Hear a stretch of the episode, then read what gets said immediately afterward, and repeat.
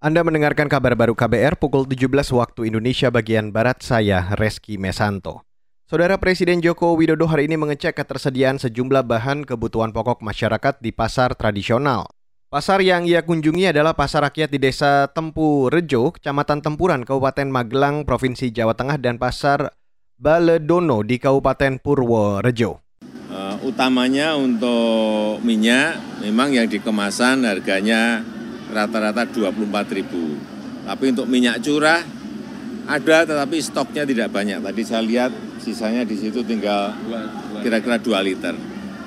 Harganya 15.500. Masih belum mencapai apa yang kita inginkan di 14.000. Dan harga-harga yang lain saya masih pada posisi yang baik. Ya. Kepala negara mengklaim stok pangan cukup, ia memerintahkan harga bahan pangan dijaga agar tidak naik terlalu tinggi terutama menjelang Ramadan.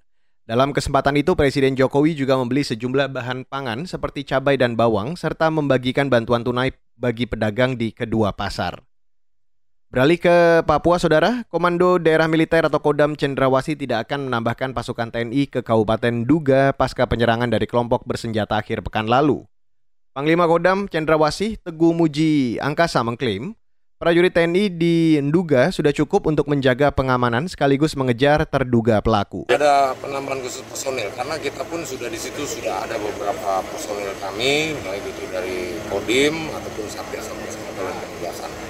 Para pelaku tentunya ini kan mereka adalah tindakan kriminal bersenjata dan itu kita sudah buat laporan polisi supaya nanti ada tindak lanjutnya untuk proses hukum. Nanti kalau mereka tertangkap ya kita lakukan proses hukum sesuai dengan aturan yang berlaku.